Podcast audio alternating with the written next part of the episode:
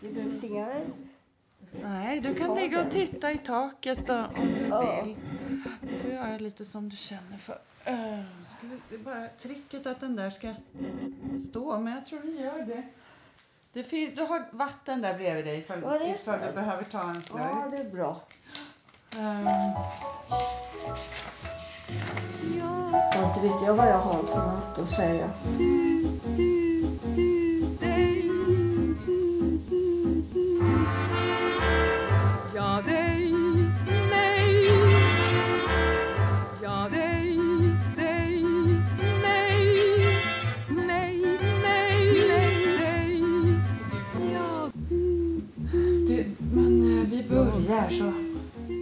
Ligga med Brodrej. Ja, Ligger du bra, Jag ligger- Margareta? ja jag ligger bra tack. Då börjar vi. Ja. Jag fick syn på dig i somras faktiskt utanför eh, Café Mannamin i, i Nordingrå. Ja. Det är eh, konstnären Anders eh, och så hans fru Barbro Åbergs livsverk. Kan man säga. Ja. Slags, hur ska man beskriva det egentligen? ja, det är svårt. Det Det är tåg och det är allt möjligt. en massa uppställda hus på en, en Ja. bergskam. Liksom. Ja. Ja. Ehm, men, men hur som helst, jag så, jag, jag, man känner igen dig på en gång. Ja. Men, men jag gav mig inte riktigt till känna. Det är inte precis så att vi är bekanta eller så. Nej, Nej. jag kunde nog inte se det då. Man tänker ju inte att, att du var där uppe. Nej. Men sen, jag har ju läst i tidningen att du har haft eh, massa skriverier om, om henne och som barnen från Frostmofjällen och Ja, just det. Ja, det har jag läst. Ja, eh, Laura Fitinghoff. Och du var härifrån, därifrån. Ja, min pappa kom från Sollefteå så därför Ja. blev jag intresserad Ja. av, av eh, Laura Fitinghoff och, och läste den här intressanta boken av Herve Sjödin. Har du läst den? Ja, nej, jag har inte. Nej, nej. Men hur som helst, Mm. då, då så, så stod jag, hade min syster med mig så stod, vi stod lite grann på avstånd skulle jag förklara för henne vem du var. Och då Mm. så hörde jag liksom hur, hur intressant det här lät. Liksom. När jag berättar, jo, står det hon. Det, finns, det är tre, det är tre personer som får stå byst på, på Kungliga Operan. Det är Jussi Björling, Birgit Nilsson och så är det Margareta Hallin. Jaha, så. Och så, jo, nej men alltså, och, och sen så, det, jag tror att hon gjorde taklagsöl eller vad det var på Strindbergs Intima Teater bara, bara för något år sedan. Jaha. Och sen så var ju hon eh, eh jordemor i Kronbruden som visade på tv. Alltså förstår du att det, bara ramlade på där så jag kände Ja. nu måste jag träffa, jag måste träffa dig här nu och, och prata om det här. Och då så tänkte jag också så här, det är så underligt vad man blir ihågkommen för. För att om jag ska berätta om dig alltså väldigt snabbt, det är inte så där som när vi stod och pratade utan då, då, då räcker det ju att säga den här, prata om den här etta på Söder. Ja, det, det skulle ju vara väldigt tragiskt om det var det enda man blev ihågkommen av. Ja. Men, men visst kan det, alltså det blir ju, det, kan du känna det ibland? Just den känslan att, herregud, tänk om, tänk om det är det som, ja, som kommer att ligga kvar sen. Ja. Jo, men det, det var väl redan när jag var väldigt ung också på Ackis. Då sjöng ju Nikolaj Gedda och jag den där Låt oss liksom svalorna. Och då sjöng jag ju en koloraturgrej på slutet där. Flöjten brukar annars spela den stämman där. Men det var eh, Bendik som dirigerade. Han tyckte det var roligt och han sa sjung den där stämman för det. Mm. Då gjorde jag det. Och den där har de pratat mycket om, folk, den där skivan. Just när du sjöng den stämman. Ja, det var väl mycket det på slutet. Ja, ja. Det var koloratur. För att, ja, den... Och då, då tyckte jag, tänk om man minns mig bara för det där. Och, men sen gjorde jag ju dramatiska saker och sånt. Men något som, ja det är Niara, det är märkligt. Och det är människor som man inte alls tänker eh, är så insatta i, det är modern musik och allt möjligt. Nej, just det. De tyckte det var...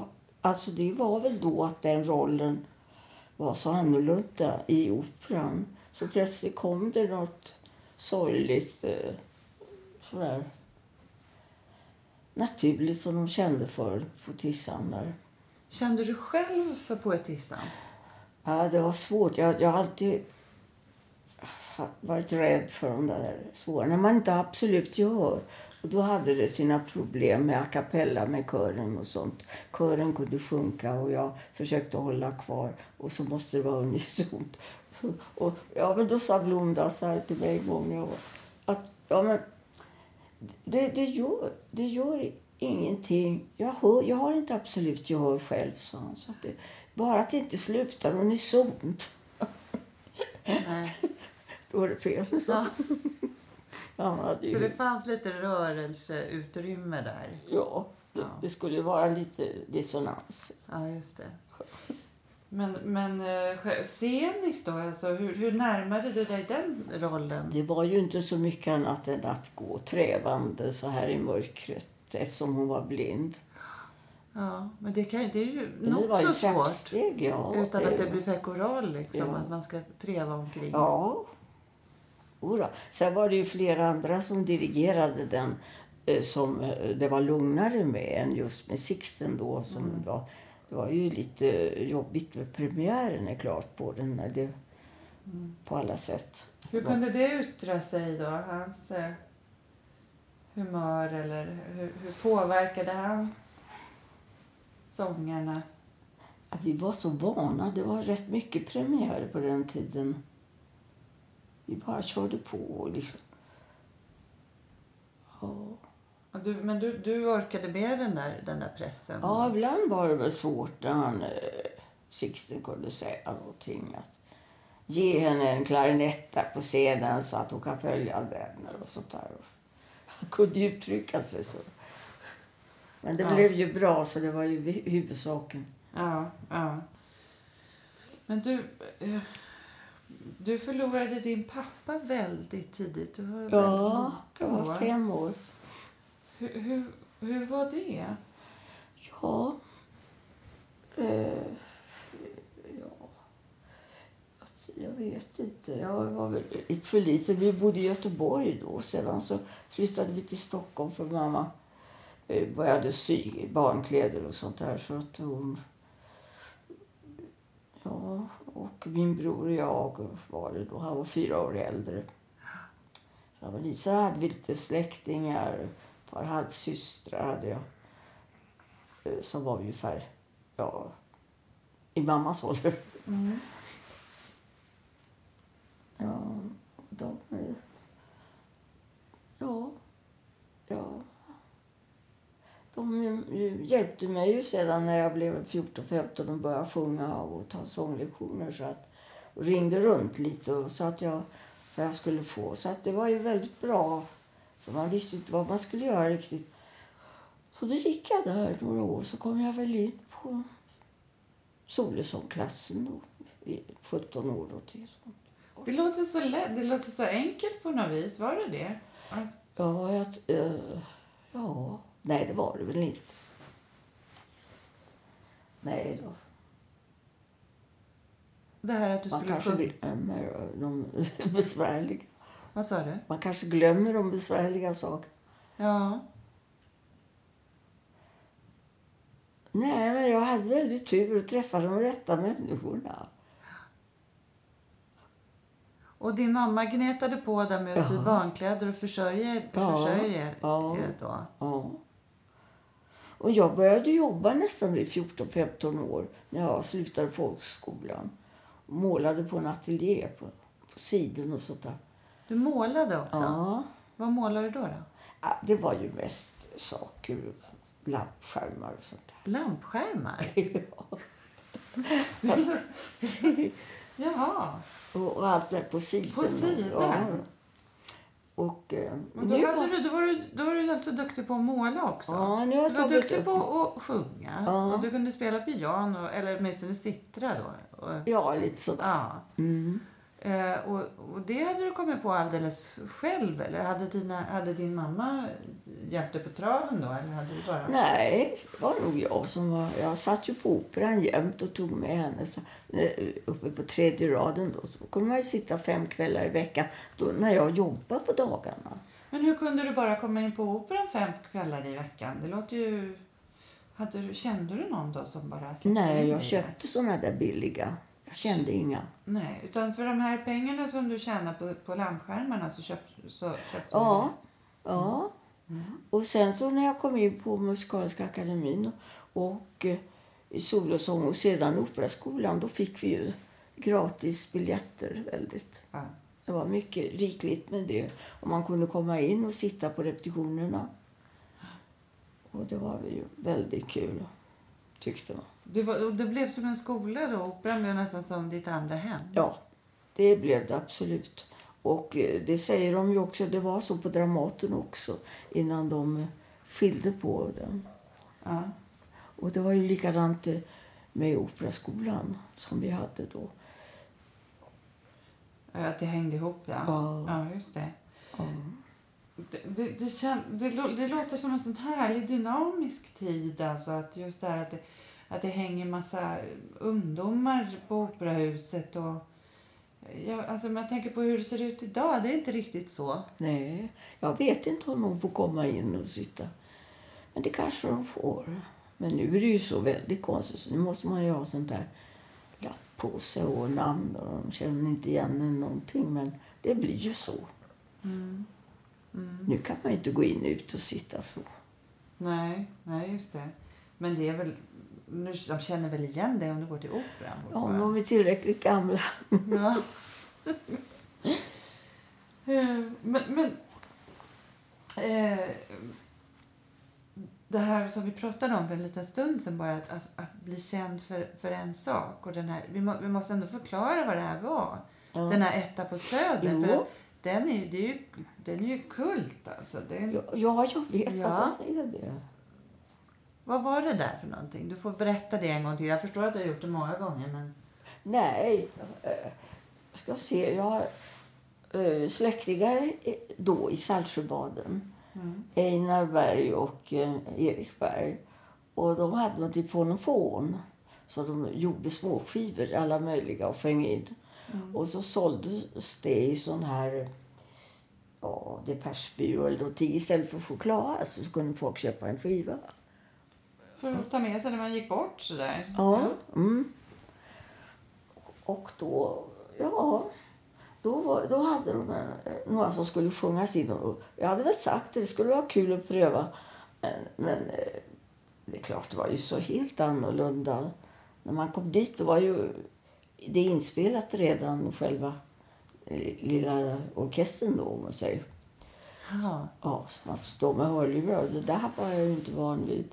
Och sen fick jag göra rösten så flickaktig som vi kunde gå. För att det är klart att det där med skolningen, det blir. Det är svårt att göra, göra det enkelt. Så komma tillbaka till... Till en visröst? Ja. ja. Ja det, den, den är så, den är så, så, så slank och, och liksom hög i rösten. Ja, Ja, och, men, det, men det är fantastiskt. Det är ju en, det är en liten, det är en mörk liten visa egentligen. Var Det kom den därifrån? ja det var Erik då Berg som hade skrivit den texten. Och det var tydligen fanns någon flicka som hon dansade eller vad hon gjorde i, i någon revy eller något just där på... Ja, hon skriver, säger ju själv en revy som ögon... Ögonföder eller vad ja. Det är så bra, så bra, så bra, så bra. Ja, just det. Och alla vill ha, alla vill ha fri- fribiljetter. Ja. Men sen så, så Men när jag slutar hon just... trött. Vad sa du? Ja, just det. Då kommer det här. Men när jag är sjuk och trött och så är det ingen som vill... Då, är jag ensam och har ingen som vill ha Jag hör av i sig. min mysiga etta på Ja, Söder. just det. Då gråter jag en skvätt. Och, och, Ja, så det. där jag sätter på gasen. Och, men hon gjorde aldrig det i verkliga livet, har jag hört. Hon klarar sig. Nej, hon klarar sig. Ja. Men hon hade försökt att... Ja, det var väl någonting. Ja. Hon hade tankar åt det hållet. Ja, ja. Ja. Ja, det är lustigt att de, de har fastnat. Men den, den är rätt så fin, melodin också. Jag tycker nog det. ja, det är Och. Robin har ju haft med den också, hon.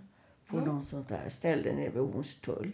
Jaha, och jag hörde den på P3 tror jag i våras någon gång i Ja. den här musikguiden eller Ja. någonting. Så att den, den, ja, den har tagit skruv. Ja. Men jag tänkte, ja. Det finns ju en person i ditt liv som också var känd för egentligen för en sak. Döden. Ja. Ja. Ja. Undrar vad han hade tyckt om det. Bengt. Ekeroth. Mm. Jo, visst. Var, du, var ni tillsammans när han spelade in det sjunde inseglet? Nej. Vi, vi träffades 59 i samband med Aniara. När den kom. På Operan. Men eh, då hade... Nej, då hade han spelat in den. Jag vet inte riktigt. Det var före min tid så jag har inte riktigt um om det där. Men det, han gjorde ju också Hamlet i tv. Ja. Bland de första. Hur träffades ni då? I, Ja, vi sågs väl lite på Operan. Han satt upp Borgar och Adelsband där också. En samproduktion med Dramaten. Och eh, våra artister också. Då satt jag och kollade. Jag kollade in både pjäsen och honom. ja. Ja, så träffades vi. Hade ni ett bra äktenskap eller var det stormigt om man får vara så Nej, stormigt var det absolut inte. Det var väl det med alkohol som var problem. Eh, nej. Han var väldigt förtjust i opera. Ja. Ja, så han satt mycket och hörde på, på skivorna, och speciellt Aniara och sånt där. Eh, Det, det gillade han. Han saknade alltid på Dramaten, sa han, att han inte att det inte fanns någon ouvertyr innan så man fick höra dem stämma och sådär. Den, den känslan tyckte han var fin. Ja, det ljudet är fantastiskt. Ja. Det, är, det är något alldeles Ja, magiskt. en förberedelse. Ja, det blir som en laddning i luften. Ja, det, där. Ja, ja. det blir det. Men ehm, fick ni barn tillsammans? ja en, en son. Mm. Och så hade du en flicka sen Ja, jag tidigare? hade en flicka Ja. först. Ja. Jag var gift en gång tidigare. Ja, vi gifte mig...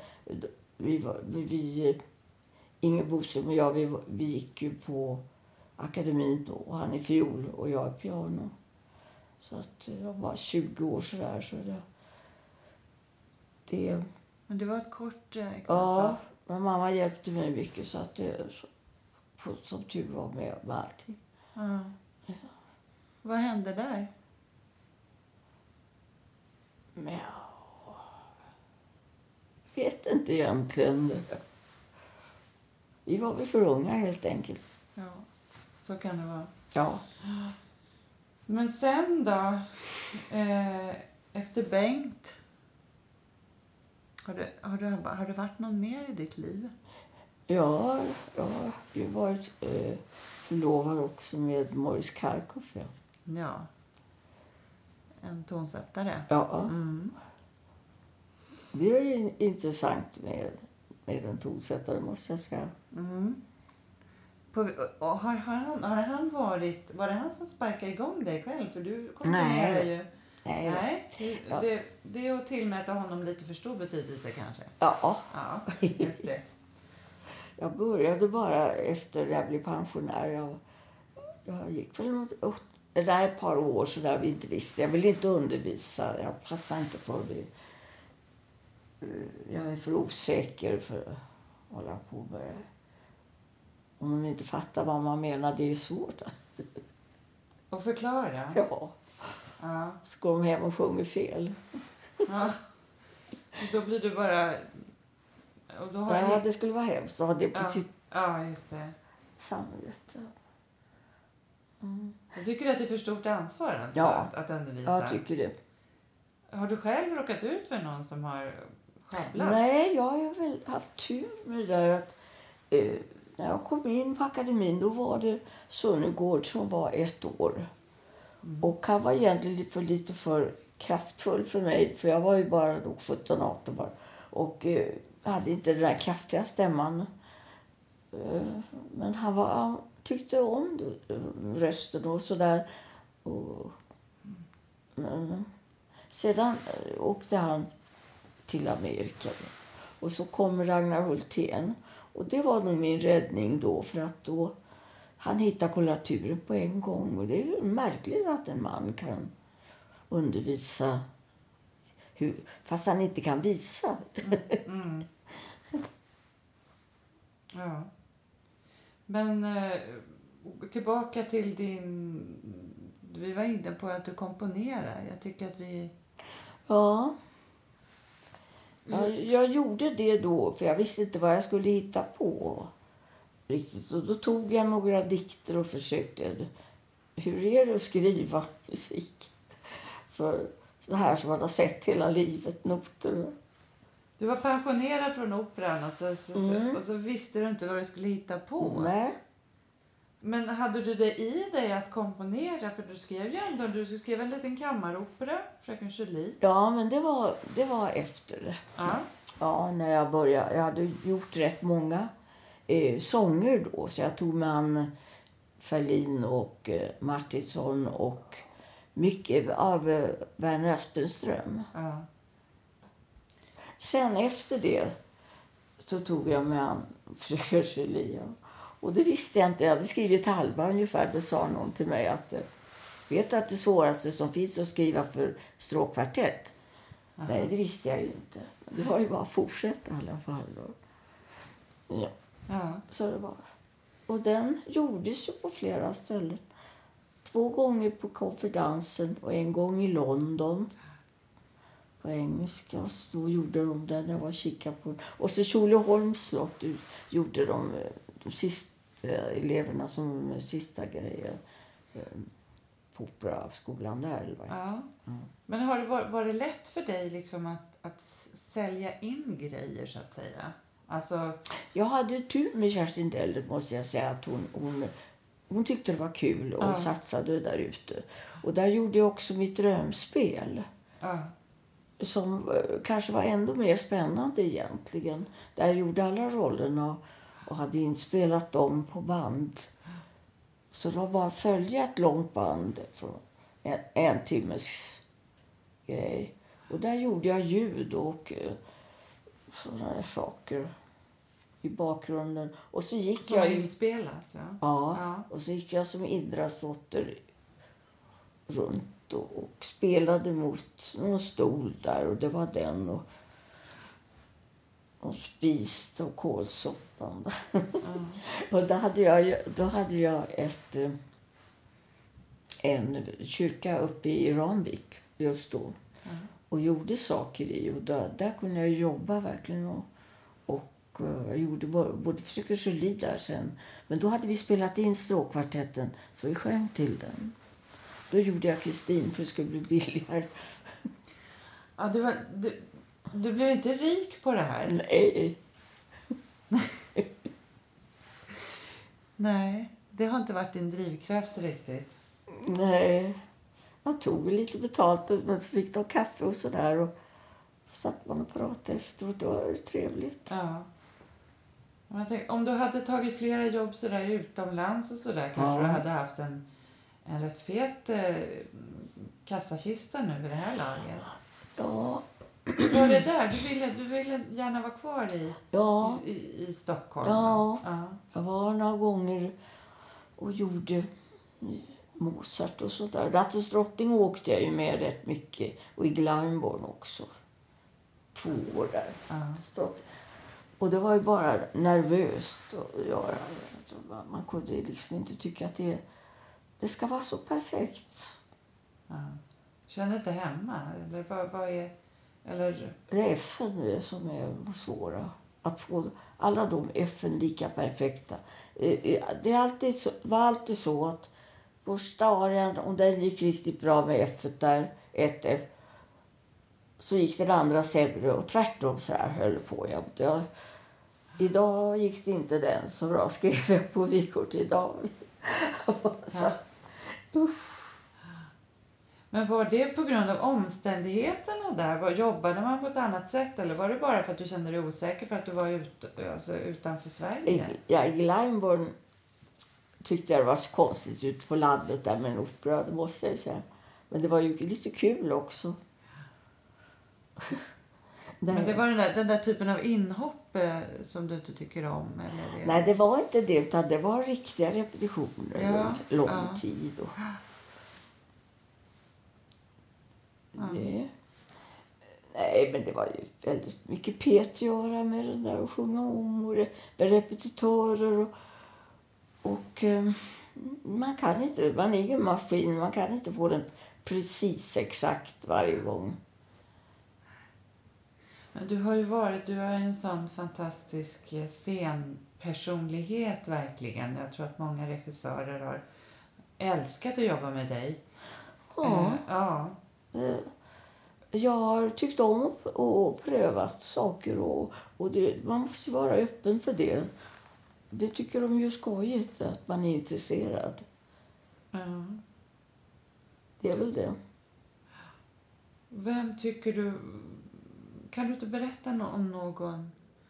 Du har ju jobbat med Bergman också. Ja, det har jag gjort. Kan du inte berätta hur det var? Det vill, man ju alltid veta. Det är Att ju något med Bergman alltså. Ja, Rucklarens väg som vi hade på operan. Stravinskys opera. Ja, och där var du... Ann, Ja, dottern i huset. ja men vad, hur, hur var det då? Ja, det är svårt att säga. för att jag, jag tyckte ju... eh, Ja, det var ju det här att det skulle vara så tyst och allihopa. Ingen fick ju... Man skulle smyga omkring där på operan. Det var vi inte vana vid för vi sjöng ju och hojtade där i, i korridorerna. Men um, ja, det ble- blev en annan stämning. Men det var fint det där klockan tre. Ibland var det te då, tror jag, efter repetitionerna. Och då satt man och gick igenom det. Och det var bra, lugnt och bra. Och han, han hade ju klart allting när vi började hur han ville ha det. Precis. Du kommer in där och så går du dit och så... Ja, och det tycker man var fantastiskt. Han hann ju med två lag på, om vi säger, åtta veckor. Något sånt där som, som annars var ett lag. Ja. Och ägnade sig åt kören, så de var ju lyckliga. Ja, de var så intresserade av... Han var intresserad av... Och, Ja, just det, för det är inte givet att regissörerna lägger ner, nu för tiden kanske mer än, än förr, men att, Mm. att även kören får detaljerad regi. Ja, visst. Och då tycker de det är roligt. Det är klart. Och att de får förståelse för betyder vilka något. de är. Ja. Och, ja. Så det kände han. Och så var han ju imponerad av det här. Så han var ju inte besvärlig mot oss alls. För det här med sång kunde han inte riktigt i alla fall. Eh, Så han kan, kunde vara besvärligare kanske mot skådespelarna. Ja, ja, just det. Han, ha- han kände kanske sin, sin begränsning där lite grann. Ja, lite grann. Uh, alltså det är ju, går ju inte att komma ifrån att, att eh, det är en väldigt manlig värld som Ja. du har arbetat inom. Ja, eh, på det är många det. sätt och vis. Eh, sen har ju du klarat dig själv och var gjort, haft, gjort dina egna grejer. Men, men hur, hur har du tacklat det där med hela den här manschauvinismen som finns både inom dirigentkulten och regikulten? Ja. Liksom? Ja, jag tror inte jag har egentligen råkat ut för det igen. på det sättet. Det tror jag inte. Beror det på att det inte har funnits eller beror det på att du har haft någon eh, stor integritet? Eller Det hur? kan hända att de hade lite respekt på något vis för mig. Jag vet inte. Ja. För att du har vetat vad du har gjort? Eller vad tror du? Men jag, jag tyckte det var trevligt med killar. Alltså jag tyckte det var helt naturligt hos oss, tyckte jag, med operan. Med, med, eh, vi var väldigt bra kamrater allihopa, när Ja, jag var där. ja. Att de uppfattade dig lite som en, en jämlik? Kan du, Ja. Är det det du menar? Ja, kanske det. Och sen var ni ju nästan, ni är nästan som ett järngäng alltså av, av starka, alltså Ja. kvinnliga sångare. Ja, vi Med- var ett gäng som höll ihop, verkligen. Vilka var ni då? då? Ja, det var Elisabeth, Kerstin, mig. Fast hon var ju inte hemma så mycket ibland eh, vissa tider. Ulf och Sedén framförallt som jag sjöng väldigt mycket med. nästan i allting. Ja. Så vi, vi visste precis på något sätt vad vi hade varann. Erik Sedén, ja. Ja. Som gick bort för ett par år sedan, Ja. tyvärr. Ja. Så vi hade väldigt roligt och han hade eh, så här svårt att hålla för skratt ibland så det var lite kul. Ja. Ja, vi gjorde... Han var ju också väldigt mycket en teatermänniska, uppfattar jag honom Ja. som en teatermänniska. Ja. Och han var så glad och stolt över den här spöksonaten som han fick göra. In- Det var nästan bland det sista stora rollen då. På Tom Talroll. Ja. Och han hade också då kommit över sitt stammande faktiskt i den rollen. Och det betydde mycket för honom. Och där gjorde jag ju då den där gojan. Mm. Och, eh, och hade ju då gjort illa knät där så jag satt i en sån här bur. Ja. Och fick dra in mig och ut. Ja. Men var, var någonstans hittade du verktygen för, eh, för ditt skådespeleri då? Eller vad lärde du dig? Var hittade du din metod? Jag vet inte. Är det bara natur... Är du autodidakt alltså? Ja, jag tror det. Och det, det försökte jag med opera också. Att, att jag tyckte det var ungefär samma sak om man sjöng eller talade. Men eh, det vet jag ju att allt går mycket, mycket långsammare allting när man ska sjunga. Det går ju att sätta fart om man vill det, med talet. Ja. Och då får man ta med det. Hur, hur jobbar man med det då? Att allting går så mycket fortare? Ja, Eller långsammare? ja det, det, pröva. Nej, men jag tycker det är så roligt med rösten. Jag har ju hållit på med att ändra rösten till olika personer och så snabbt. Jag läste på, Strindbergteatern Schnitzlers eh, ringlek. Mm. Väldigt, väldigt roligt. Det var nästan hela. Inte, jag tyckte någon var i tarvligaste laget. Den tog jag bort. Men, men eh, då satt jag där och, och hade en liten spelare med wienervalser. Väldigt fina in- en inspelning med honom. Var det, Mm. Var det, han var i Örebro eller? Jag tror det. Jaha, to, ja, Thomas Daufsgård ja. Mm. ja. Och de, de Med tog, Svenska kammarorkestern. Ja, just det. Ja. Och de tog jag ut och tryckte på de här så.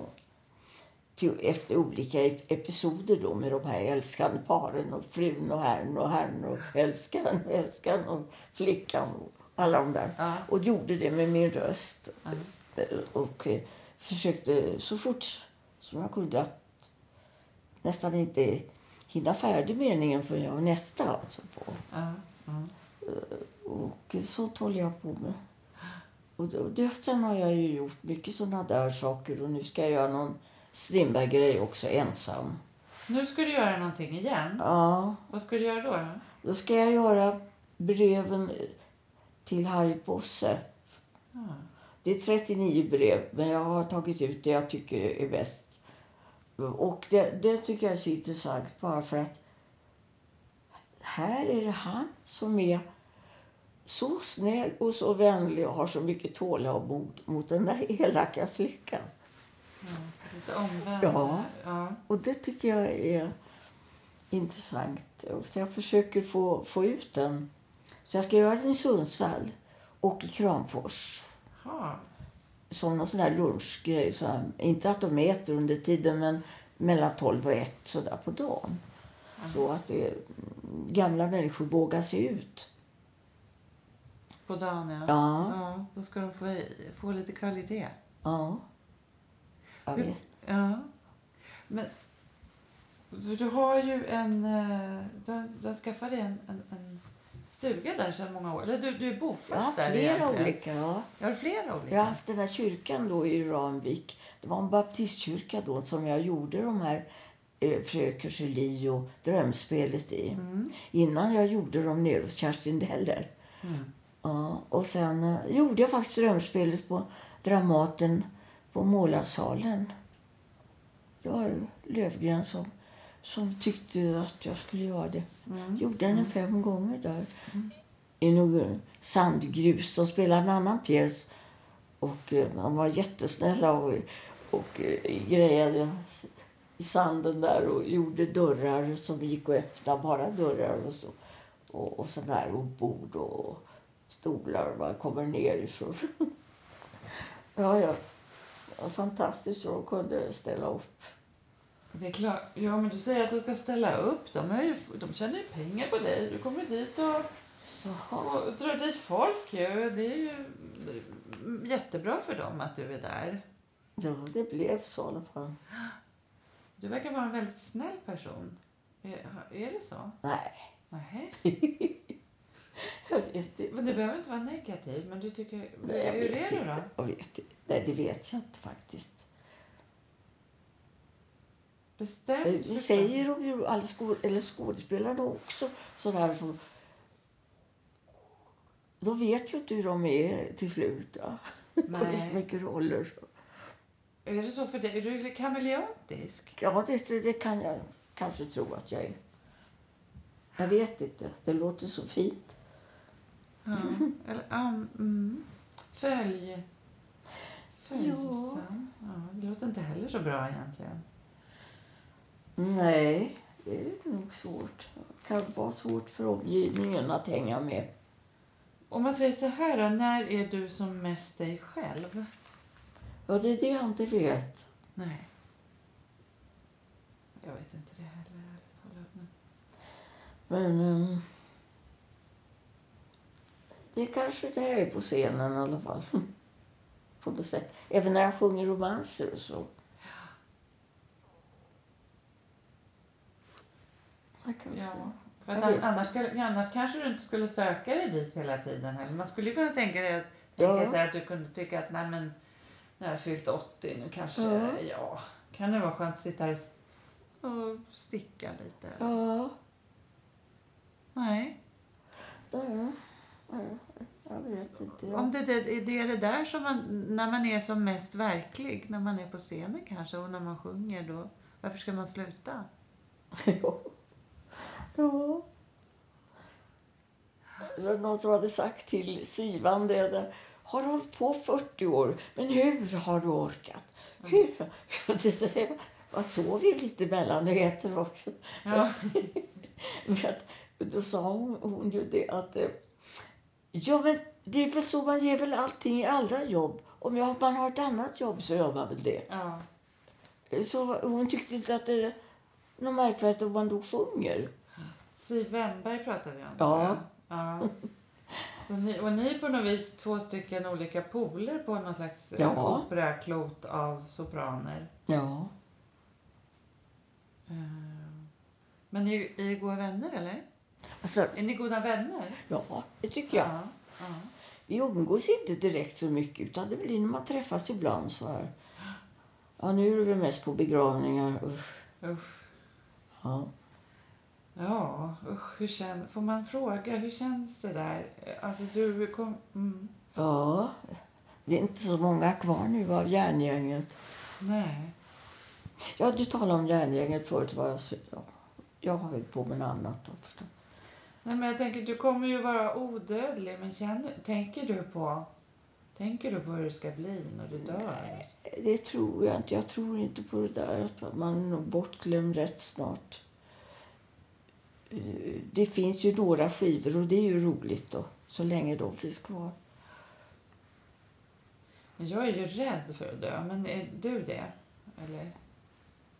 Rädd? Ja, alltså jag Ja. tycker det är o, en otäck Ja. tanke att man bara ska vara borta. Ja. Jag tycker det är otäckt nu när jag hör att ungdomarna inte knappt vet vem eh, Hjördis Skynberg var eller något sånt. Eller Inga Tidblad eller Lars Hansson. Eh, Ja. Ja. Och att de inte har behov av att ta reda på. Just det. Att, att det För bara, jag tyckte vi läste om mycket sådana här saker Mm. som har varit för oss. ja. Om deras liv och memoarer och saker. Så, så, det är ju så viktigt, tycker jag. Tycker du att det är viktigt att bli ihågkommen? För jag tänker mer att jag...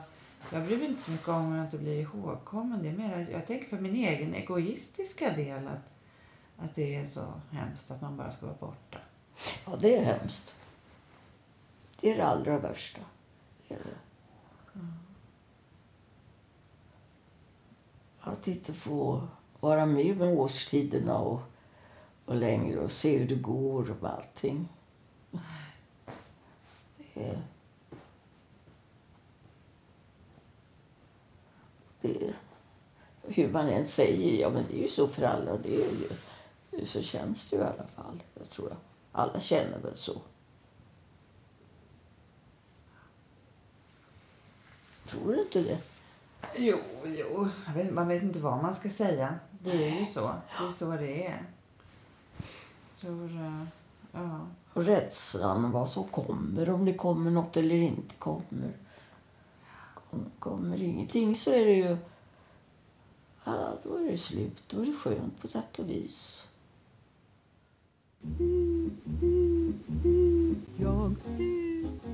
Ligga med Brodrej.